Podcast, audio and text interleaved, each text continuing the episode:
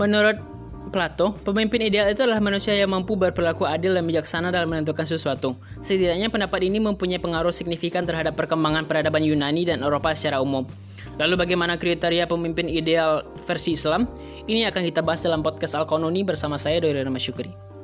Teman-teman yang dirahmati Allah taala, menjadi seorang seorang muslim adalah sebuah nikmat yang amat besar, menjadi bagian dari agama yang sempurna dan paripurna yang mengatur seluruh aspek kehidupan, tidak terkecuali dalam hal kepemimpinan. Allah yang bilang ini sempurna. Al-yauma akmaltu lakum dinakum atmamtu alaikum ni'mati wa raditu lakumul islami dina. Bahkan tatkala Nabi Shallallahu alaihi wasallam diambil nyawanya sekalipun, bukan berarti kepemimpinan itu selesai, karena Allah Subhanahu wa taala dan rasulnya melalui agama yang mulia ini telah meninggalkan sebuah sistem Orangnya boleh saja silih berganti, tetapi rambut-rambut tersebut akan tetap abadi. Nah, bicara tentang kepemimpinan, ada beberapa istilah dalam bahasa Arab yang digunakan yang bermakna pemimpin. Di antaranya kata al-qaudu, imam, yang imam ini kurang lebih 12 kali, tidak kurang dari 12 kali disebut dalam Al-Quran. Kata amir atau emir, ulil amri, umaro, khalifah, malik, sultan, Nah, jika kita komparasikan dengan pendapat para ahli, di antaranya pendapatnya Stephen Robbins, penulis buku terkenal Organizational Behavior, menurutnya pemimpin ideal itu the ability of influence a group toward the achievement of goals. Seseorang yang punya kemampuan untuk mempengaruhi satu kelompok guna mencapai serangkaian tujuan atau visi.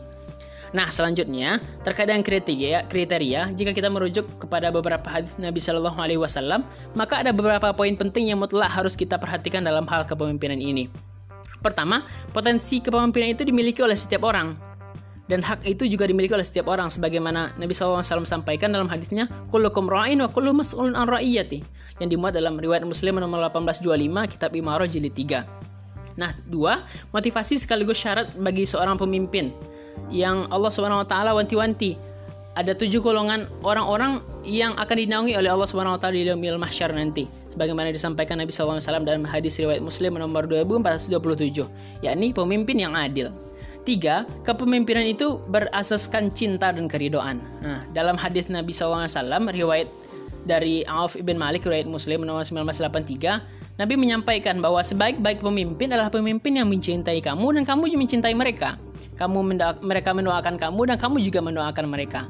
Nah, seburuk-buruk pemimpin, sejelek-jelek pemimpin adalah pemimpin yang membenci kamu dan kamu juga membenci mereka. Kamu melaknat mereka dan mereka juga, juga melaknatmu.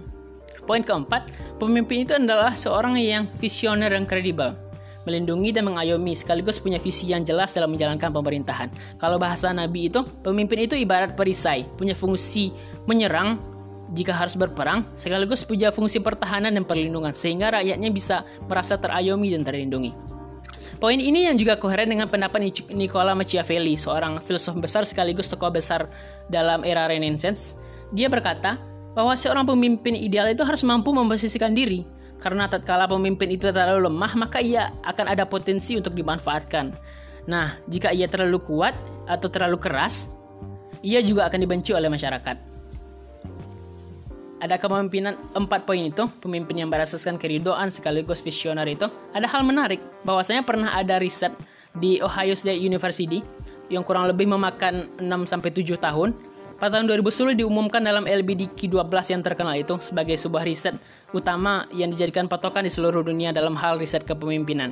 Mereka melakukan riset kurang lebih ada 1.800 pertanyaan yang mereka ajukan meliputi berbagai sektor, mulai militer, pendidikan sampai industri. Nah, hasilnya ada dua poin penting yang mutlak diperlukan oleh seorang pemimpin. Pertama, struktur pakarsa, yakni sejauh mana pemimpin tersebut bisa mendefinisikan peran bawahannya lugas dan punya fungsi yang jelas, punya visi yang jelas. Dua, perilaku perhatian atau perilaku hubungan, sejauh mana ia bisa membangun relasi dan kepercayaan terhadap apa yang dia pimpin. Nah, ingin saya katakan, barangkali kita semua punya versi yang berbeda-beda terkait kriteria. Namun pada dasarnya, kriteria ini sudah dijelaskan dengan gamblang oleh Allah Subhanahu wa taala dan Rasulnya. Tinggal bagaimana kita sekarang mau menjalankan kriteria tersebut sehingga punya pemimpin yang ideal atau tetap berdiam diri. Saya Dodi Nama Syukri, sampai ketemu di podcast Al ini selanjutnya. Assalamualaikum warahmatullahi wabarakatuh.